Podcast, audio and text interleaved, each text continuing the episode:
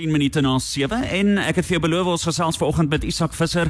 Hy saam met my in die Cosmos 94.1 uit sy butiek. Isak, goeiemôre.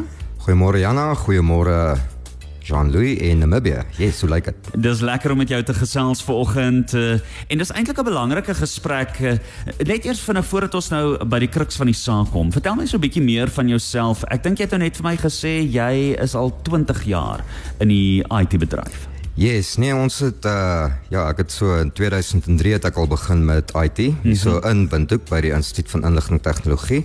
Ja. En daar's 'n redelike kaliber en 'n pedigree daar agter, maar ja, 20 jaar se werk, um, ek dink dit is van selfsprekend. Baie beslis. En uh, jy het verlede week vir my gebel en vir my vertel van wat met julle besigheid uh, gebeur het. En kyk, ons almal weet as jy nou intik, veronderstel jy tik nou Cosmos 94.1 se naam in dan en op Google word jou besigheid se inligting gelys. Vertel ons net so 'n bietjie meer van wat presies met julle besigheid gebeur het. Ag wat ons basies agtergekom het is dat uh, ons kry baie minder oproepe in spesifiek vir hierdie tyd van die jaar of daai tyd van die jaar. En ons het gaan kyk op Google en agtergekom dat die kontakbesonderhede wat daarop gelys was was verkeerd. Ja. Toe ons die persoon wat daartoe gelys was geskakel het, toe antwoord hy en hy sê ja nee ons kan jou kar regmaak et cetera et cetera en ons sê ja maar jy gebruik ons besigheidsnaam meneer om dit te doen. En toe was dit 'n baie groot gesukkel geweest om basies daai persoon te kry om na ons toe te kom dat ons dit kan regstel en wat ja. en ons het nie regtig enige geluk daarmee gehad nie en toe moes ons maar die navorsing gedoen het en gekyk het okay hoe gaan ons dit nou regkry sodat dit nie weer gebeur nie. Ja, en dis eintlik wat jy vandag met ons en besigheidseienaars wil deel is hoe om sou so iets gebeur want as ek dit reg verstaan het hy daardie persoon basies julle besigheid se se inligting op Google gekaap. Ja, basiese kontakbesonderhede in so 'n manier gekaap dat hy homself voorgegee het as ons besigheid. Aha. En sodoende het ons verskriklik baie besigheid verloor. Ons het ook daarna kliënte gehad wat ons gekontak het en gesê het luister maar werk daardie persoon daar by julle en ja. ons is net nee, jy werk geen so 'n persoon by ons nie. En ja, dit het baie moeilikheid veroorsaak want dit is natuurlik soos 35 jaar se reputasie wat daar opgebou is en wat en nou kom 'n ander persoon in 'n derde party en kom van daai besigheid basies weg. So ja. Dis interessant. Ja, net vir nou, hoe weet ek my besigheidsbesonderhede is reg gelys op Google? Ja, Google is soos hulle sê, dis se besigheid wat 'n werkwoord is. Klim op die internet, Google jou besigheidsnaam en kyk wat spring uit. Dis interessant. So en kan enige mens, enige persoon daai inligting verander? Wel dit hang af hoe geverifieer jou rekening is op Google, maar daar's drie basiese fasette wat dit behels. Is jy self kan dit laai. Daar kan 'n agentskap dit namens jou laai, mm -hmm. iemand wat jy gekontrakteer is of 'n Google resensent en dit is gewoonlik die Google resensente baie mense bedoel goed daarmee, maar party van hulle het nie die besigheid savvy om die inligting reg te laai nie. Aha. En dis hoekom jy dan iemand anders vra of iemand anders uh, gebruik.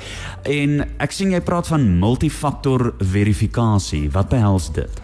Wel, multifaktor verifikasie is soos om klomp verskillende slotte op jou deur te hê. Ja. Jy kan nie net eenvoudig inbel op jou Google rekening en jou kenwoord indruk en dan is alles reg daarso nie. Mm -hmm. Jy moet dit op 'n manier verifieer dat dit jy is en ja. dit is waar multifaktor verifikasie inkom.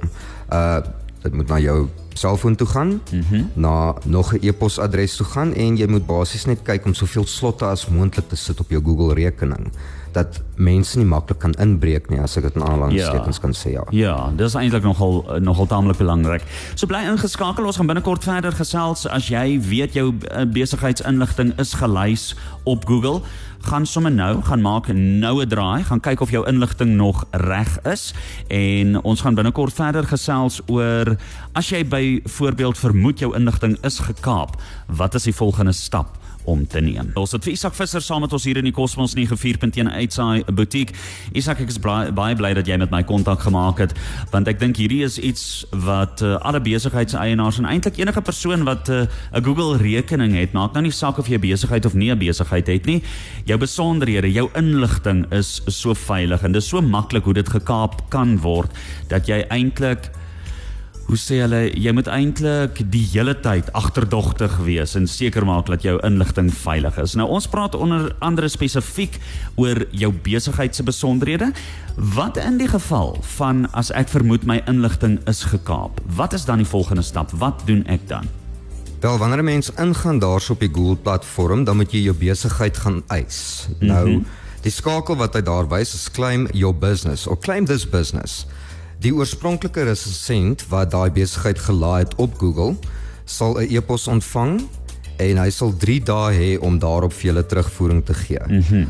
Nou daai persoon sal jy in kontak mee moet kom. Dit sal hulle sal 10 10 en hulle hulle besonderhede daar gelys hê. Ja. Maar die oorspronklike resensent sal 'n e-pos ontvang en dan 3 dae hê om dan vir jou te sê, "Oké, okay, jy mag die besigheid kry." Want die rekening waarop jy ingeteken is as jy jou platform jou Google Chrome oopmaak, ja. is dan die een wat hy gaan stuur na die resensent toe en sê, "Hierdie persoon A versoek dat hy die eienaar van hierdie besigheid is en hy wil asseblief hierdie besigheid claim. Hy wil dit uh beëien. Ja. ja.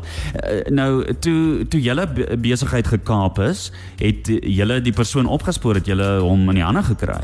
Ja, ja, ons het die persoon opgespoor. Ons het baie vriendelik versoek en dit het net geeskaleer die hele tyd. Mhm, ehm um, mm -hmm. hy wou nie regtig ingekom het met ons kom praat het nie. Hy die hele tyd vir ons geontduik en so en wat wat wat. Maar ons het oorspronklik vir hom gekry om na ons toe te kom en Hy kon dit toe nie uitklaar nie want hy was maar net 'n doodgewone Google resensent wat hmm. nie regtig die tegniese kennis gehad het om dit reg te maak nie. Oh, maar oh. dit was nie die ja, ons kon dit nie deur hom reg gekry het nie en toe moes ons dit deur Google se support ouens self gedoen het. Ja, en basies die verifikasie proses en uh die terugeienskap as ek dit nou, dis eintlik vreeslik om te dink dat jy jou eie besigheid moes terugeien. Ja, maar as ons daaraan dink dit is 'n publieke platform en dit is soos hulle sê in Engels dis user generated content. So jy kan een persoon kry wat al die werk gaan doen daar buite vir jou en nie by alles uitkom nie mm -hmm. of jy kan dit in die eindverbruiker se hande plaas en daai persoon kan dan honderde duisende mense kan dan hulle inligting voeg op Google. Ja. Dit is hoe ons weet hoe die verkeer lyk. Dit is hoe ons weet wat besighede is. Dit is hoe ons weet wat die fotos is van plekke en so. Dis alles user generated content. Mense wat resensente is wat daai inligting verniet laai op die Google platform. Mhm. Mm mhm. Mm Miskien net uh, uh ek het jou nou in die rede geval ten opsigte die stappe jy sê ook hierso moenie ontslaa raak van die e-pos wat u van Google ontvang het nie. Ja, as jy daai besigheid geklaim het in die eerste plek, daai eerste e-pos wat Google dan vir jou stuur na jou rekening toe, moenie ontslaa raak van hom nie want hy is getag en dit beteken basies dat wanneer ook al hulle teruggaan na daai saak toe, gaan hulle binne in daai e-pos se tags en goeders verwys. Mm -hmm. So hou daai e-pos as jy hom geontvang het, want dit is die een wat die anker is wat vir jou gaan vorentoe help om jou besigheid terug te eien. Mm. As jy nou probeer jou besigheid terug eien en dit word afgekeur, is daar iets kan jy appeleer? uh daar op die oorspronklike e-pos kan jy 'n appel invoer. Jy net die uh, appeal skakel daarso op te volg en dan sal Google vir jou 'n klomp opsies gee oor hoekom jy hierdie besigheidsbesluit van hulle kant af, hoekom jy dit appeleer. Hulle sal vir jou ook vra om dan vir hulle te sê wat gaan wat gaan vir wat daar so soos jy moet inligting verskaf, jy moet jou certificates of fitness gee, jou identiteitsdokumente en wat wat wat. Mm, mm. Maar 'n mens moet nooit in die eerste kontak met Google daai persoonlike of professionele inligting vir hulle gee nie. Ja. Hulle moet eers daarvoor vra as dit afgekeur is. So. Mhm. Mm dis nogal belangrik om te weet.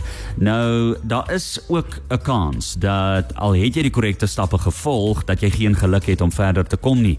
Bly ingeskakel net na die nuus gesels ons meer daaroor. Ons uh, gesels vir oulaas met Isak Visser. Nou, hy is 'n uh, tegnologiese reus wat betref as dit kom by kundigheid al er meer as 20 jaar in die bedryf.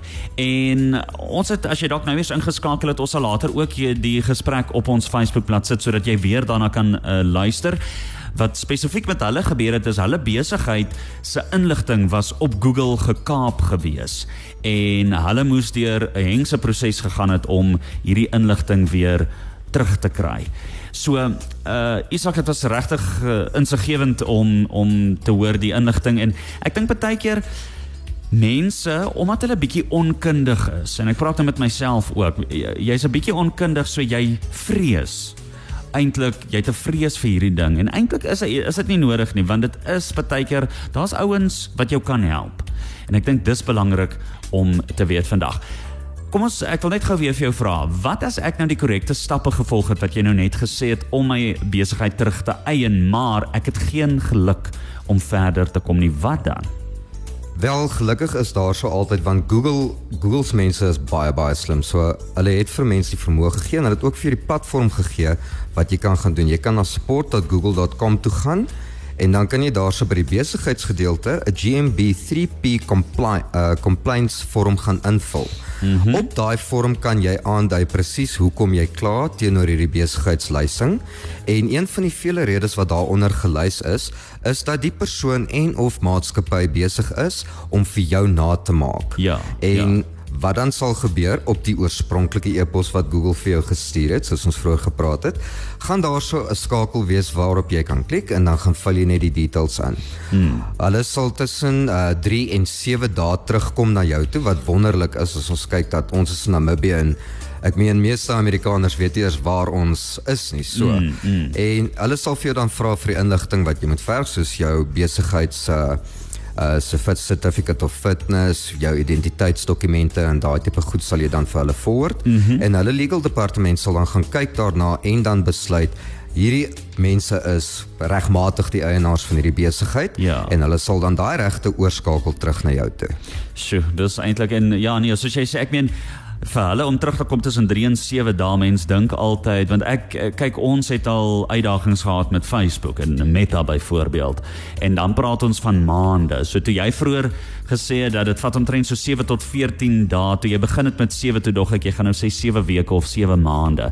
So nee definitief dis die moeite werd en ons sê weer miskien net 'n laaste woord van jou kant af ook om mense ehm um, beraad daarop te maak en dat hulle moet gaan kyk wat is die inligting van hulle besigheid as hulle hulle besigheid se naam op Google intik. Ja, soos ek sê, dit is letterlik so maklik soos dit. Gaan Google jou besigheid se naam en kyk aan die regterkantste bladsy wat spring daar op. As enige iets vir jou heeltemal nie reg lyk of so nie, dan ja, volg die stappe wat ons voorgestel het en ja, dit is wat ek tot dusver kan sê. As daar inligting is wat jy nie daarop geplaas het nie, maak seker dat jy hierdie stappe volg. Isak, dit was lekker om met jou te gesels. Ek sê vir jou baie dankie vir jou tyd. Jean-Louis, Jana, baie baie dankie vir julle tyd ook. Nou toe, onthou as jy dalk eh, net 'n gedeelte van hierdie gesprek gehoor het, ons laai dit later vandag vir jou op ons Facebookblad, dan kan jy weer daarna gaan luister.